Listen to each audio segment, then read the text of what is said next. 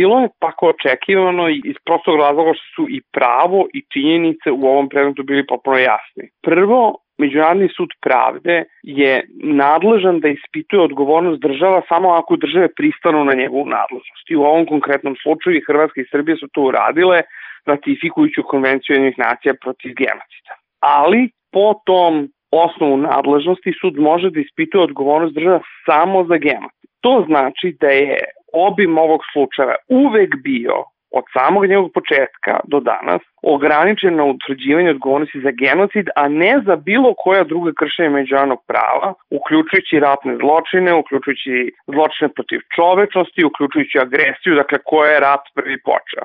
Sva ta druga pitanja bila su van nadležnosti suda i oni mogu da odlučuje samo genocid. Dakle, prvi faktor koji treba da imamo u vidu je ograničena nadležnost suda. Drugi faktor koji treba da imamo u vidu je šta se zapravo događalo u Hrvatskoj tokom rata u Hrvatskoj 90. godina. I kada vidimo šta se tamo događalo, događalo se mnoge, mnoge strašne stvari.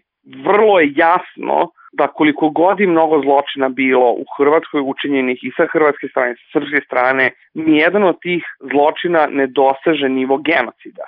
Zašto ne doseže nivo genocida? To je treći element, zato što je genocid vrlo usko definisan u međunarodnom pravu, kao vršenje određenih radnji poput ubistva sa jednom posebnom namerom uništenja neke zaštićene grupe, na primjer ne etničke grupe, kao takve.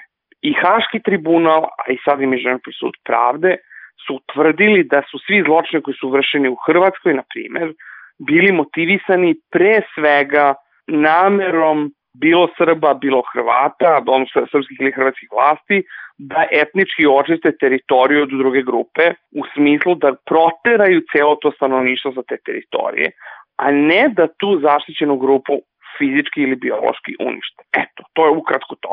Dakle, jednostavno nije postoje nijedan dokaz da su vlasti Srpske krajine, odnosno vlasti Srbije, nameravale da unište Hrvate kao etničku grupu, niti sa druge strane nije postojao dokaz da su hrvatske vlasti žele da fizički ili biološki unište Srbe, odnosno deo srpske populacije u Hrvatskoj kao fizičku grupu.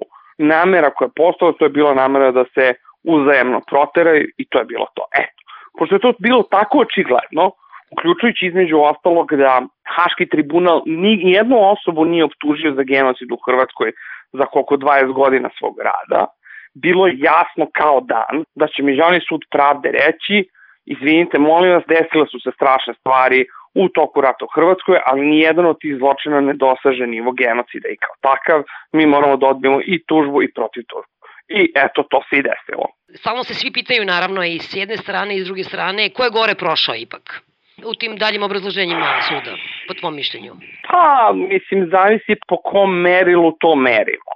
Ako merimo po tome da li je ili jedna ili druga strana uspela da dokaže genocid i jedna i druga strana su jednako izgubile.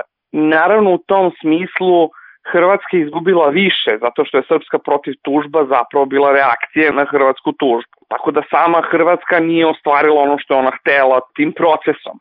Ali zapravo, mislim, sad tu postoji cena, cela druga priča koja je zbog čega su ti slučaje uopšte podneti i zašto se parničilo toliko godina, mada se tačno znalo kak će rezultat da bude, a to je da bi se validirali ti narativi koje su zvanični hrvatski i zvanični srpski nacionalisti stvorili u svojim društvima. I tako sada kada pogledamo kako se komentariše presuda, tačno vidimo kako ti spin doktori, razni nadrepisari koji komentarišu presudu pokušavaju da izvuku iz te presude nešto što će da potvrdi šta su oni pričali. Eto, tako da pošto je u Hrvatskoj glavna priča o tome da je naravno ceo sukob u Hrvatskoj bio plod intervencije Srbije u hrvatske unutrašnje stvari, oni pokušavaju da nađu neke paragrafe u presudi koji će to da potvrde.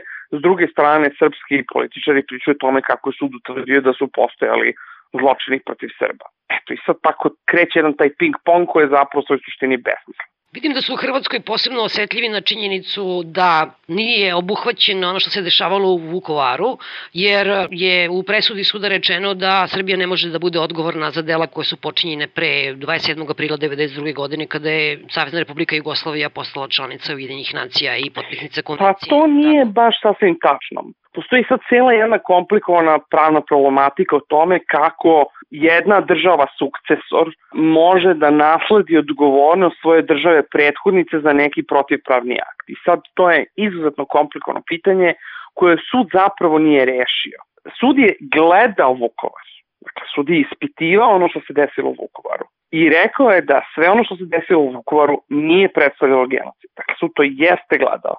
Kada je utvrdio da akti koji su se desili u Vukovaru ne predstavljaju genocid, onda je on rekao mi nemamo sada razlog da razmatramo da li bi Srbija nasledila odgovornost za nešto što učinila bivša Socialistička federativna republika Jugoslavije. Dakle, sud je to pitanje nasleđivanja odgovornosti, jer je tako da ga nazovem, ostavio otvorenim, ali je našao da akti koji su prethodili stvaranju države Srbije, pri svega Vukovar, ne predstavljaju genocid. Šta bi mogo da nam kažeš o ovom delu proterivanja Srba iz Hrvatske o Oluji? Kako bi sažeo? Šta je sud rekao? Pa o Oluji postoji nekoliko različitih elemenata. Dakle, ni Međunarodni sud pravde ni Haški tribunal nikada ni u jednom trenutku nisu osporili pravu Hrvatske države da vojnom silom suzbije oružanu pobunu na svoj teritoriji. To pravo ima svaka država, pa je to pravo imala i Hrvatska i sud ni u jednom trenutku nije rekao kako je Oluja kao takva bila neka nelegalna akcija. Ali sud jeste pominjao događanja tokom Oluje koje su mogla, po tvrdni Srbije, imala elemente zločina koje je Srbija tvrdila zapravo čine genocid.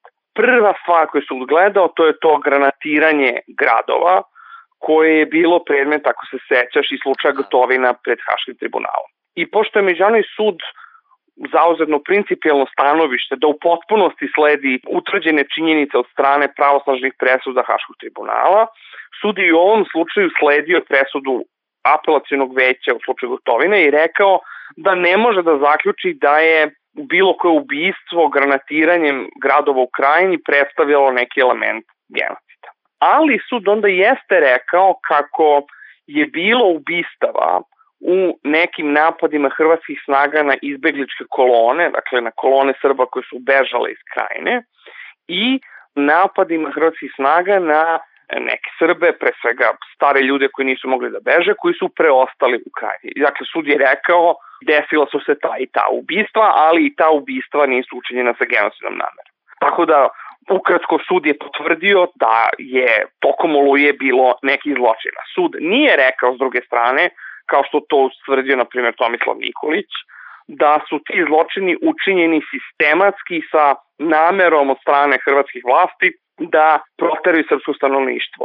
Sud je rekao da se takav zaključak može izvesti iz dokaza koji su pred njim predočeni, ali on, ponavljam, nije nadležan da utvrđuje bilo šta osim genocida. Tako da je sud u tom smislu rekao, čak i da je ta namera postojala, ona nije dostigla nivo genocida. Na neki način ovom presudom i činjenicom da Haški tribunal je dobio sve ove krupne gospodare rata, Na ovaj način se zapravo stavlja tačka na ono što je intencija inače na prostoru bivše Jugoslavije da se to takozvano pravno suočavanje prebaci na međunarodne sudove. Sad smo ostali sami sa sobom, jer koliko yeah. sam ja videla i ovoj presudi je rečeno sada su na redu nacionalni sudovi da rešavaju te stvari koje su inače utvrđene zločine protiv čovečnosti, teški zločini i tako dalje. Tako je, jeste upravo tako i sad na srpskom je tužilaštvo za ratne zločine i neko je vladno tužilaštvo u Hrvatskoj da gone bilo koje druge činioce tih krivičnih dela. Tim što treba imati u vidu da će oni, oni koji budu gonjeni će biti relativno nisko rangirani. Ti si videla kako je refleksivno reagovala cela srpska politička elita kad je Fond za humanitarno pravo sada ponovo potegao pitanje krivične odgovornosti načelnika generalštaba sadašnjeg Srbije za zločine protiv kosovskih Albanca. Dakle, to je automatski stavljeno od akta ja čisto sumnjam da će bilo koja osoba nekog iole visokog ranga biti procesuirana u nekoj bliskoj budućnosti od strane bilo srpskih, bilo hrvatskih suda. Razlog zašto visoko rangirani ljudi neće da budu procesuirani je zato što su oni delovali manje i više u skladu sa politikom svoje države i ta država nastavlja da ih štiti. Zbog toga je Haški tribunal i napravljen. Sad, hvala Bogu, neki od tih ljudi će da budu kažnjeni i bili su kažnjeni u tribunalu, ali ja mislim da je poprilično iluzorno očekivati da će bilo srpsko, bilo hrvatsko pravosuđe sada napravi neki veliki hrabri iskorak. To se neće reći. Jedno je od opštih mesta, to je bilo zanimljivo, raznih političara i u Hrvatskoj i Srbiji. Nismo zadovoljni odlukom, ali je poštujemo.